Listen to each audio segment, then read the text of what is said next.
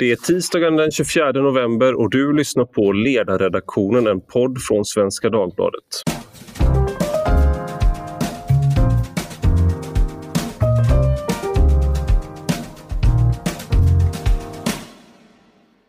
Jag heter Ivar Arpi och idag ska vi prata om förskolan för ett nytt betänkande som överlämnades till eh, skolminister Anna Ekström igår föreslår obligatorisk förskola från fem års ålder, bland annat.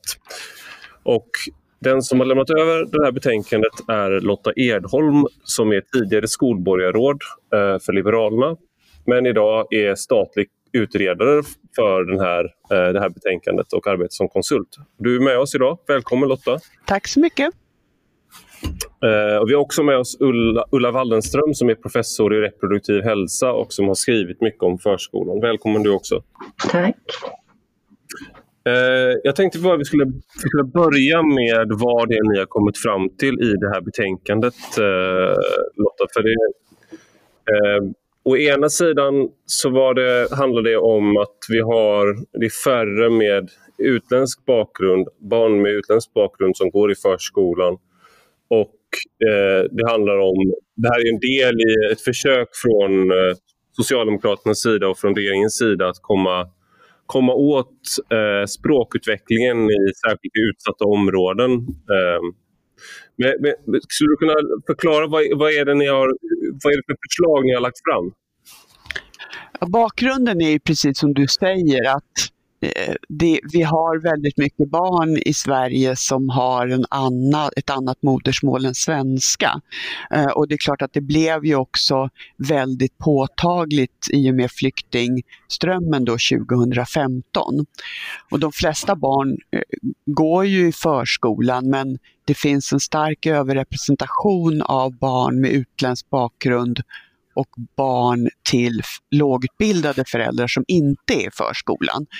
Eh, och det här märks väldigt tydligt när när barnen kommer till skolan. Eh, och det, det, är ju inte, det är ju inget nytt fenomen. När jag var skolborgarråd i Stockholm så, så flaggade ju många rektorer upp för, till exempel på Järva, Järvafältet, att de hade barn som började skolan i förskoleklass men som faktiskt inte pratade svenska trots att de var födda uppvuxna i Sverige. Och de, mm. de barnen hade ju i allmänhet inte gått i förskolan. Så att vår, vårt svar på den här frågan har ju varit lite bland, liksom, det, är, det är några olika förslag som vi ger. Bland annat då att, att barn som tillhör den här kategorin, nyanlända barn med annat modersmål än svenska, ska direktinskrivas i förskolan. Eh, så kommunerna ska ha en plats till de barnen. Eh, men vi tycker också att kommunerna återigen ska ha ett, ett eh, ett uppsök, en uppsökande verksamhet gentemot de barn som inte är i förskolan. Inom ramen för den allmänna förskolan ska vi säga, alltså 15 timmar i veckan. Um, och sen föreslår vi också att förskolan ska bli obligatorisk för femåringar. Jag tänker det här med uppsökande verksamhet, vad, vad innebär det i, i praktiken?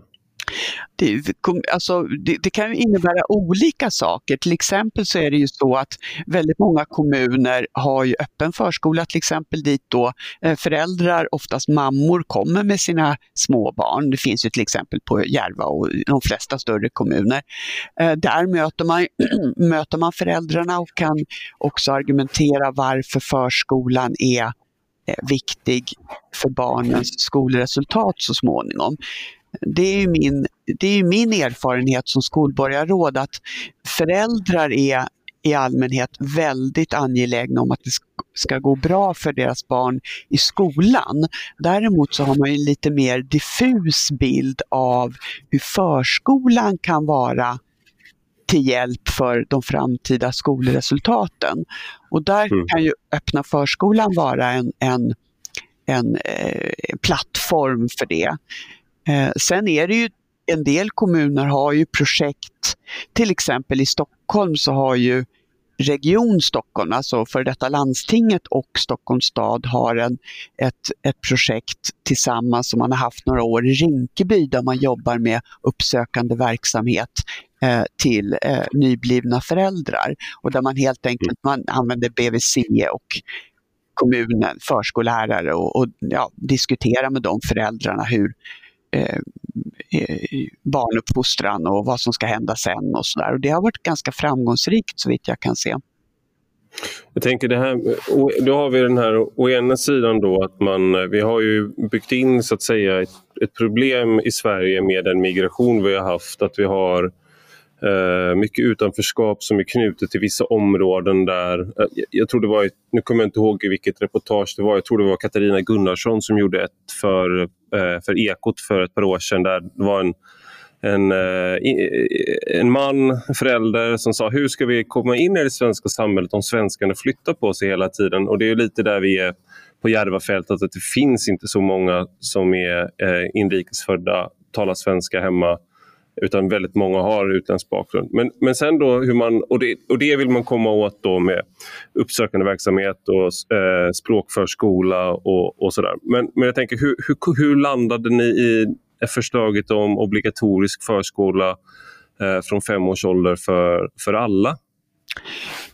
Ja, för det första så är det ju en, det är väldigt få barn som inte går i förskolan eh, som är fem år så att säga. Eh, det, det är 6-7 tusen i hela Sverige och det är en väldigt stor del av dem har ett annat modersmål än svenska. Mm. Eh, så att det, på det sättet så träffar det ju ganska rätt. Men det är också så att förskolan skulle kunna vara eh, Eh, ett ställe där man också, om, om det fanns ett obligatorium för 15 timmar i veckan, det vill säga för de flesta tre timmar om dagen, så skulle det också kunna vara så att förskolan också skulle kunna se eh, de barnen som är i behov av mer svenska eh, och språkutveckling eh, tidigare helt enkelt.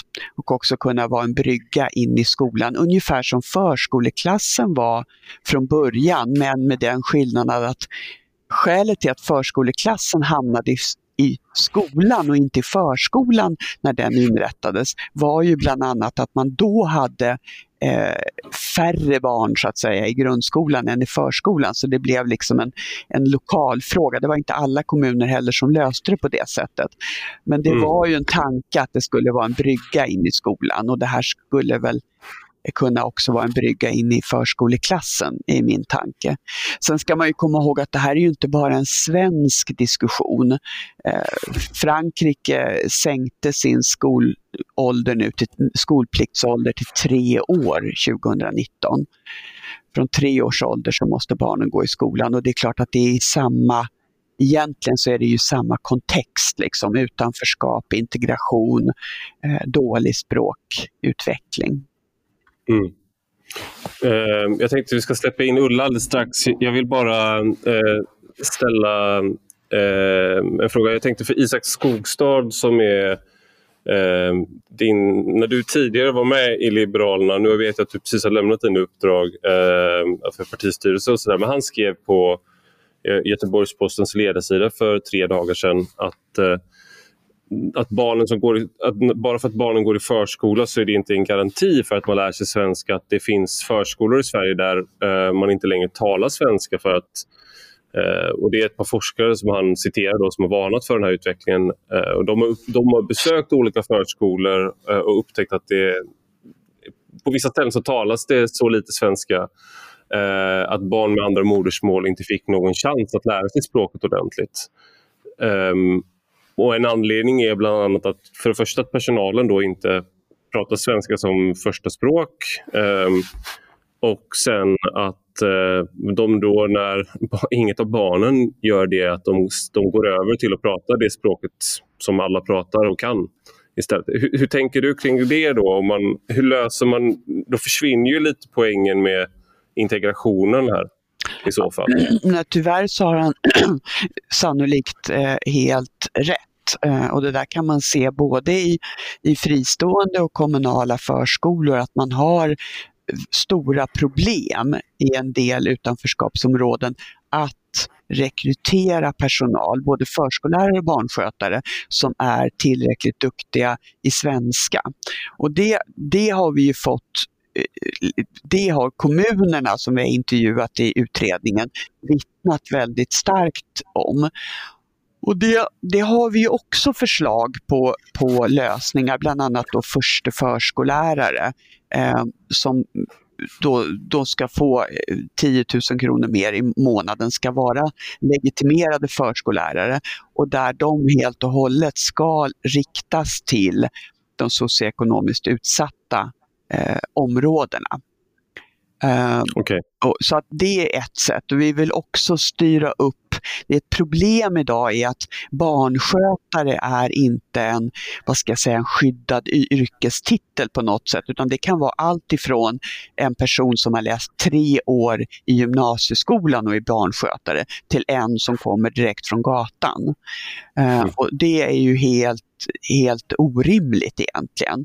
Uh, så vi vill höja också barnskötar eh, yrkets roll genom att föreslå att det ska vara en eh, det ska vara definierat vad som ska ingå i i eh, barnskötaryrket så att säga. Min mm. bild är ju dessutom att ibland eh, så har ju förskolan använts som en arbetsmarknadspolitisk åtgärd i kommunerna. Och det är ju såklart helt oacceptabelt. Eh, man har själv bett lite om den situation vi, vi är i. Uh, jag tänkte vi ska släppa in uh, Ulla Waldenström. För, en sak som hela den här diskussionen egentligen bygger på, även nu, nu ska jag villigt erkänna att jag inte har läst hela utredningen som Lotta Edholm har, som du har gjort. men jag har, har skummat det mesta.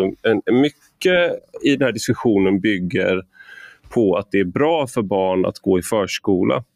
Eh, men jag vet att du, Ulla, du har ju kollat på det här och du skrev en, eh, eh, en debattartikel för, nu är det en månad sedan, om att det, det faktaunderlaget för att förskolan är, är så positiv, att det inte är så gediget som man kanske tror om man lyssnar på debatten. Skulle du kunna gå in på mm. vad, det är du, vad det är du har sett. Ja, innan jag gör det så vill jag bara säga att jag själv har haft mina barn i förskolan och alla mina barnbarn har gått i förskolan så att min grundinställning är väldigt positiv. Och det måste jag säga för att eh, när man kritiserar förskolan ur kunskapsperspektiv så blir man nästan misstänkliggjord för att liksom vara, vara en stor motståndare. Så är det inte. Utan på de senaste åren så har jag alltså närmat mig frågan mer utifrån min erfarenhet som forskare och eh, tittat då på eh, vad eh, kunskapsunderlaget, hur många studier det finns som belägger nyttan i olika avseenden med förskolan. Alltså jag har tittat på en typ av forskning som är väldigt bristfällig i Sverige. Alltså att eh, svensk pedagogisk forskning har inte ägnat sig så mycket åt den typen av studier, det vi kallar effektstudier, alltså har förskolan effekt på det och det och det. Och eh, den, i den här frågan så det är otroligt många påståenden om vad förskolan kan åstadkomma som inte finns belägg för utan som kanske är mer vad man hoppas eller kanske om man ska tillspetsa att det är önsketänkande. Men om man sammanfattar så finns det forskningsstöd för att förskolan kan ha en positiv effekt på barnen eh, i samband med skolstart starten och första skolåret. Så det är säkert rätt det du säger Lotta, att man kan se skillnad mellan med barn då som har gått direkt och kommer till skolan och inte har varit utsatta för någon gruppverksamhet med andra barn. Men det intressanta är att man drar slutsatser om både att man jämnar ut skillnader mellan grupper och att det på lång sikt har effekt på barnets utveckling. Och där är det betydligt svagare forskningsbelägg, eller rättare sagt, det finns inte något entydigt forskningsbelägg. Det finns studier, men de är motstridiga i resultatet.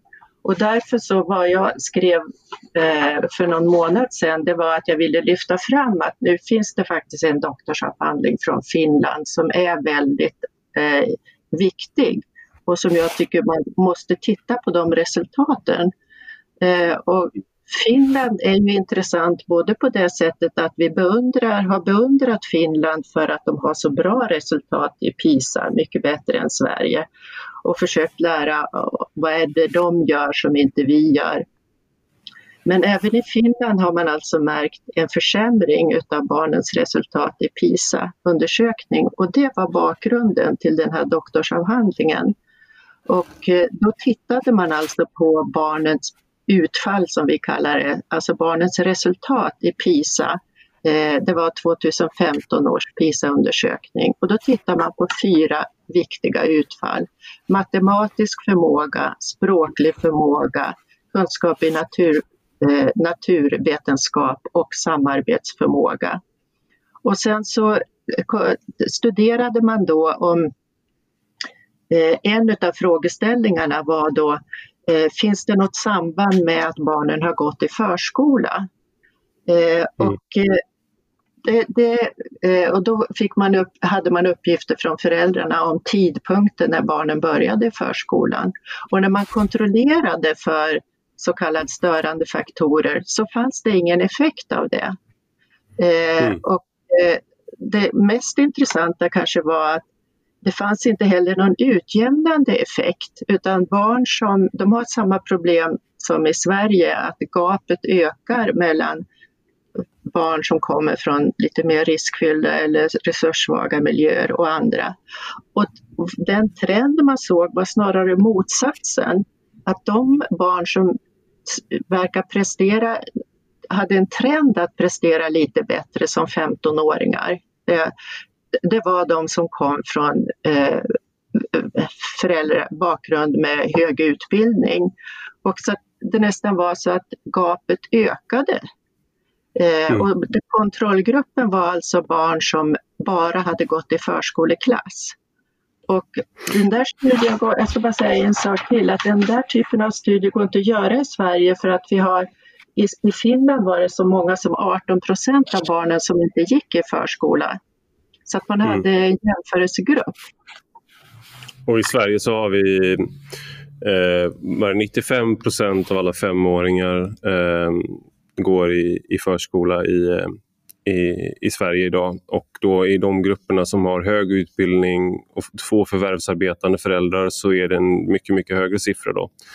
Eh, jag tänker en sak till här. Du fick kritik från eh, en eh, docent i socialmedicin, Sven Bremberg, som var den som gjorde sammanställningen eh, för Folkhälsomyndigheten om effekten av förskolan som menade att, att du hade fel eh, och att du eh, hade gjort ett ensidigt urval av de studierna. Hade han, hade han, han, han tyckte då att det var, du var för klent det du hade presterat i din debattartikel helt enkelt.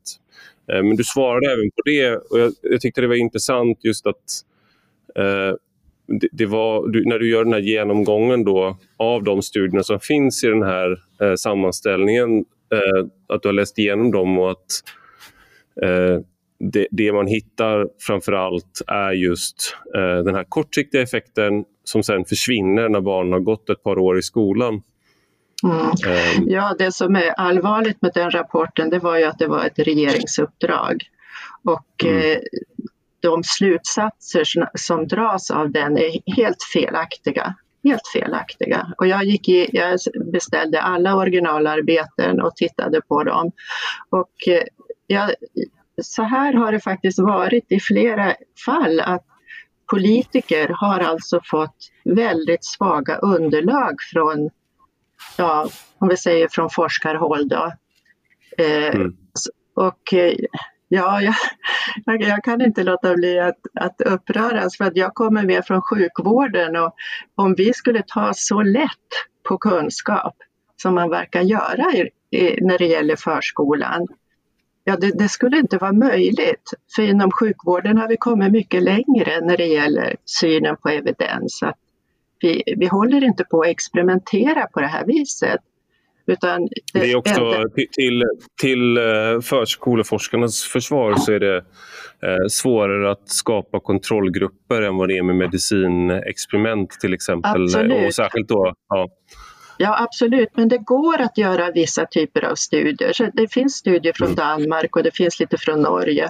Eh, det går mm. att göra, alltså om jag vore politiker idag Istället för att fatta sådana här beslut så skulle jag satsa pengar på att verkligen stimulera till exempel sådana här longitudinella studier där man följer barn och kan hålla kontroll på störande faktorer så att man kommer fram till välgrundade underlag. För att det är ju mycket möjligt att till exempel det här med språkinlärning att, att förskolan inte alls är det bästa sättet. Det kanske finns mycket mer effektiva sätt. För ju längre mm. ner i åldrarna barnet är, desto mer sker ju språkutvecklingen i interaktion med en person, inte med en stor grupp. Så att det finns, ja, det finns mycket att säga. Jag tänkte Lotta, eh, det här är ju en ganska ändå svidande kritik av just eh, om, om, målet är då att förs om, om det man vill uppnå med förskolan är att eh, ville ha just en utjämning av livschanser som jag tror några socialdemokrater skrev i en motion ganska nyligen. Ehm, och om man vill ha det här, det här kompensatoriska uppdraget men också att förskolan ska ha den här positiva effekten. Eh, vad tänker du när du hör uh, Ullas kritik av, av forskningen på området? Alltså jag, jag kan nog hålla med Ulla en hel del om att det är mycket forskning i Sverige som jag tror har varit, just på förskolans område, som har varit ingen har velat ta i riktigt. Alltså man har inte, man har inte velat ägna sig riktigt åt det som har uppfattats kanske som politiskt kontroversiellt eller så.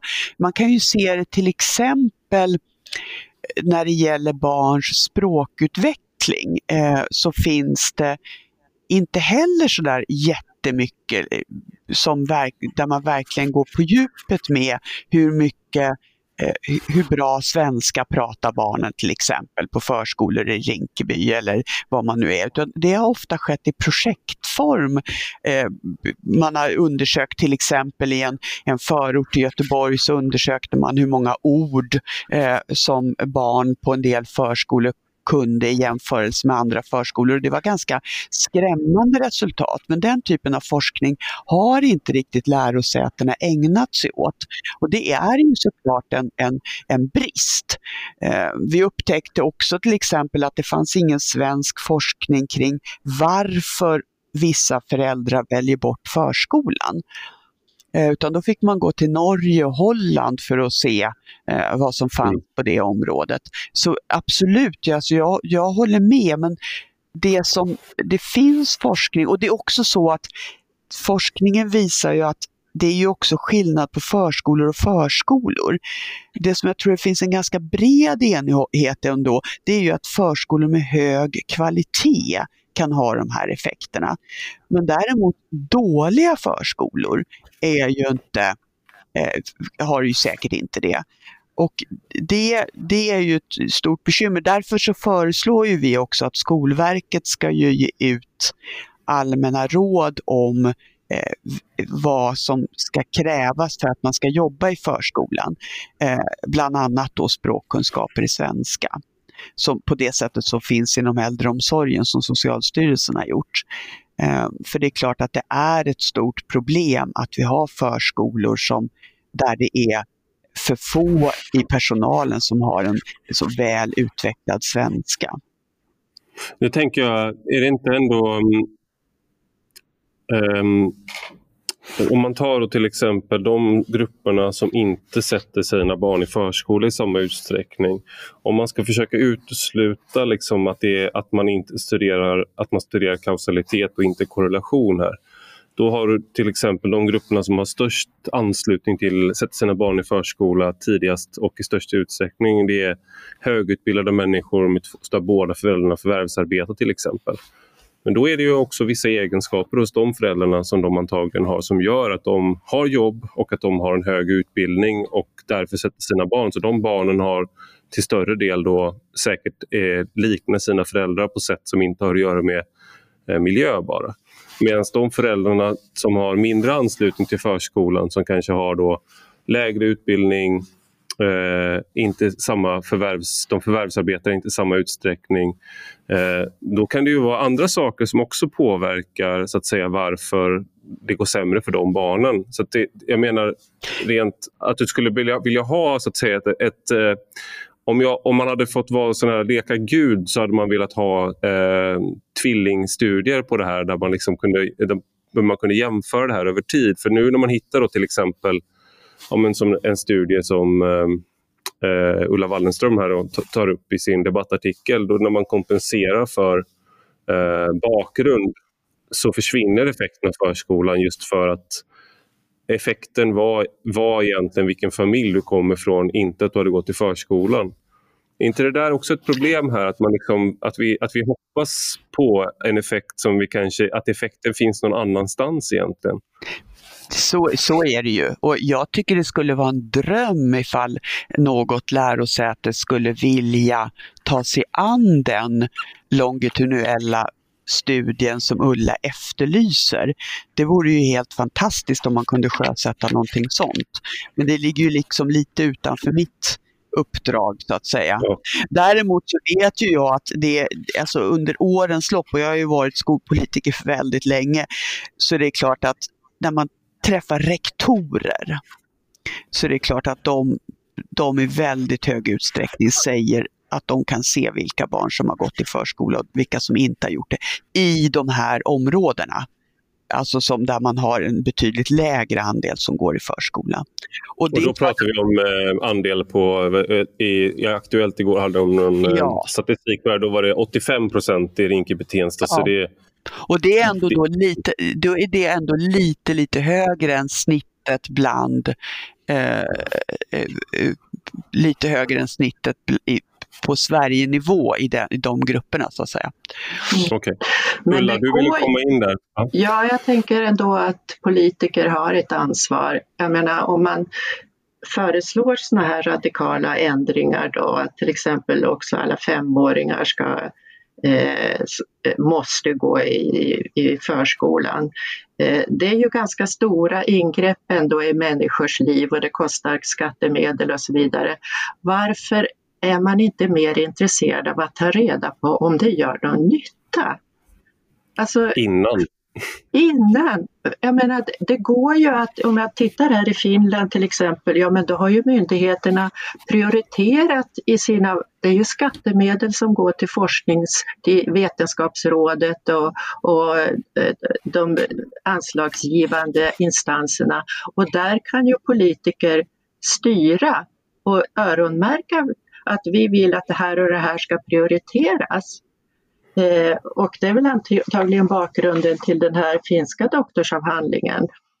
Så det, går ju, det finns inget intresse det, det, det, det, det ja, det, ja, det förstår jag verkligen. Det ligger väl dock helt utanför mitt uppdrag jo, i detta. Däremot så skriver vi faktiskt en del om det. Att det, mm. att det är dåligt med forskning på det här området. Mm. Uh, jag, skulle vilja, jag, skulle, jag, skulle ändå vilja, jag skulle ändå vilja pressa dig Lotta på en punkt här. Och det är ju, ni utgår ju från uh, den här, bland annat uh, Folkhälsomyndighetens sammanställning uh, av studier som inte håller måttet då, eh, enligt Ulla Wallenström bland annat. Eh, och, och nu har ni ändå, du har ändå lagt fram ett förslag här där det ska införas obligatorisk förskola från fem års ålder. Borde, inte, borde du verkligen lägga fram ett sådant förslag då om det saknas tillräckligt bra data för det? Vi har ju inte bara tittat på svensk eh, svenska rekommendationer och forskning utan även på europeisk nivå. Och vi kan ju se att även i andra europeiska länder så finns eh, den här den här trenden att man ser att man vill ha en skolplikt som börjar tidigare. Sen så om det sker i förskola, i skola, det är ju inte heller helt klara definitioner. Men det finns ju till exempel eh, rekommendationer om, eh, från, på europeisk nivå att fler barn ska gå i förskola eh, från EU och det, den bygger ju också naturligtvis på forskning. Man kan se till exempel att när man tittar på PISA-undersökningen så kan man se, nu ska vi se om det var den som kom 2017 kanske, jag kan det inte på rak arm, men där man kan se att eh, eh, barn som har, har gått i förskolan presterar bättre i PISA än barn som inte har gjort det. Men sen är det klart att... Det där, det där var ju då, um, det där var ju då den här um, studien där man, om man kompenserar för uh, bakgrund så försvann den effekten. Ja, jag måste bara kommentera det eftersom det finns en publikation, färsk publikation från PISAs 54 länder om där man alltså precis har funnit samma sak som den finska. Kontrollerar man för störande faktorer så finns inget samband mellan deltagande i förskola och prestationer som 15-åringar.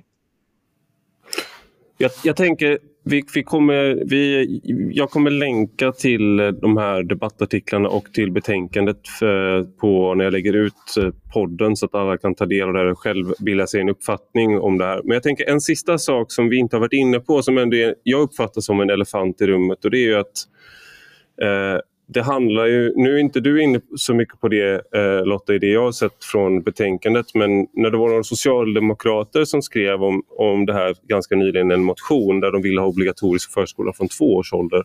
Då handlar det ju väldigt mycket om jämställdhet och att det här handlar om att kvin få kvinnor, att kvinnor ska förvärvsarbeta och att kvinnor inte ska fastna i eh, i hemmet så att säga. Och att det har funnits en sån... Eh, vi har, vi har flera, på flera sätt har vi, har vi använt eh, eh, förskola och andra insatser, till exempel särbeskattning och liknande för att få ut kvinnor på arbetsmarknaden. Och är inte det här också då en... Alltså, hur mycket av det här handlar om jämställdhet mellan könen snarare än för barnens bästa? Du får gärna svara först.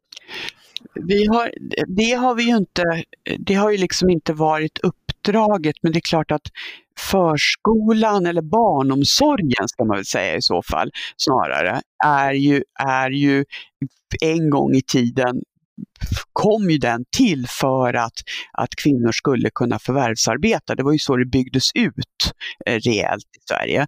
Men sen så har ju synen på eh, så förskolan har ju förändrats under årens lopp. Eh, men det, det viktigaste sambandet mellan om barn är i förskolan eller inte, det är ju om föräldrarna förvärvsarbetar eller inte. Så är det ju. Eh, så att det, är, det, alltså det är mycket vanligare bland dem som, av de som inte förvärvsarbetar eller är arbetslösa, så är det ju mycket vanligare att barnen inte är förskola, trots att vi har, eh, vi har ju en allmän förskola 3 till 5 år, 15 timmar i veckan som är avgiftsfri. Den har vi ju redan idag alldeles oavsett om man arbetar eller inte. Men ändå så använder man sig inte av den. Just det, och det man vill undvika någonstans är flera saker jag tänker på. Jag har precis läst eh, Nils Karlsson Pyssling för mina barn och där sitter ju han hemma själv när barnen och jobbar. Ja. Eh, och han, har in, han har ingen mat och sen till slut så blir han kompis med Nils Karlsson Pyssling då under tiden. Eh, för hans, hans syster har ju dött eh, hade jag glömt. Det är ganska hemskt. Den är väldigt sorglig. Eh, ja. otroligt sorglig. Ja. Eh, men jag bara kom att tänka på att det där är ju, hade varit väldigt bra om han hade haft en förskola att gå till. eh, tänkte jag då. Men, men det, det, jag tänker ändå att det finns en sån här... Um, när man behåller barnen hemma, då är det ju en förälder i regel som är hemma med barnen. Och den föräldern har varit traditionellt och är fortfarande till stor del kvinnor. Så att en sån här, att om, om du får en större uppslutning kring eller anslutning till förskolan, då blir ju det en jämställdhetspolitisk åtgärd, tänker jag. Jag tänker, Ulla, har du någon kommentar till det? Hur, liksom, hur kommer kvinnans jämställdhet in i den här förskolediskussionen? Eh, ja, men det är ju som Lotta säger att det har ju inte hymlat som på något sätt att, att förskola och barnomsorg från samhällets sida är för att underlätta för både mannen och kvinnan att förvärvsarbeta. Eh, men någonting som jag skulle vilja kommentera kring det här med obligatorium, alltså Alltså jag kan ju också känna att om man ska, nu har vi ju ganska nyligen infört obligatorium från sex år, är det inte också att, vad ska man säga, mist, vad ska man säga, nedvärdera föräldrar? Alltså, det, det, om jag ska gå på den politiska argument, argumenten så, så kan jag känna att det, det finns en väldigt ja, i botten en misstro att det skulle bli så väldigt mycket sämre. Parat då med kunskapsläget så tycker jag att den frågan ändå borde komma upp på dagordningen. Jag tänker också en del med invandrarbakgrund som är nyanlända, har kommit från en annan kultur. Ja, men hur, vad finns det för studier om hur de, de föräldrarna upplever det? Var, varför vill de vara hemma med barnet och varför inte? Eh, och hur kommer de att uppfatta ett tvång? Ja, det, det är svåra frågor. Det är det ju verkligen och det var som jag sa tror jag inledningsvis att det finns rätt dålig forskning i Sverige på varför folk eller varför föräldrar inte vill ha sina barn i förskolan. Däremot så finns det faktiskt studier både i Holland och i Norge som visar att som en del av detta är att det, det, är, det är vanligare bland eh, eh, eh, människor med invandrarbakgrund att tycka att det är, är, är självklart att mammorna ska vara hemma när barnen är små. Mm. Uh, uh, och då gäller det på något sätt oavsett om, om man om man, om man har alltså fri, alltså fri, eller tillgång till förskola som man ändå har tre timmar om dagen för tre till femåringar eller inte. Eh, och det där tycker jag skulle vara rätt spännande också att se om man kunde få forskning i Sverige och se vad, vad, skulle, vad skulle krävas av den svenska förskolan för att de föräldrar som har själva eh, en, en dålig anknytning till arbetsmarknaden, som pratar dålig svenska och så vidare, att de skulle tycka att, att förskolan skulle vara ett bra, en bra hjälp för deras barn. Mm. Ehm, det, det tycker jag det skulle vara spännande att se, men sen så är det ju, det är ju inte bara så enkelt att att, de, att mammorna är hemma och därför har de sina barn hemma, utan vi kan också se i en del bostadsområden att man hellre eh, lämnar sitt barn till, till mormor eh, eller någonting sånt än att låta dem gå i förskolan. Eh, och då, det är klart, då blir det ju väldigt lite svenska. Men tycker inte du då också då Lotta som, eh, som vi hörde här, redaktören frågade dig att, nej men att det borde vara upp till föräldrarna att man när man inte vet svaret på det du säger att man ändå kommer med ett politiskt förslag att göra på ett visst sätt. Men alltså direktiven till utredningen var ju hur man ska få fler 3 till 5-åringar att gå i förskolan, framför allt i de grupper som, som Eh, behöver förskolan mer än andra. Och det är ju framför allt de som finns i den här oerhört få, det är 7000 barn knappt i hela Sverige, femåringar som inte går i förskolan. Och då är det ändå en del av dem faktiskt som, som eh, är hos dagmamma, som har pedagogisk omsorg. Eh, så att det, det rör ju väldigt få, men de det rör är ju främst de som kanske faktiskt är i störst behov av, av förskola.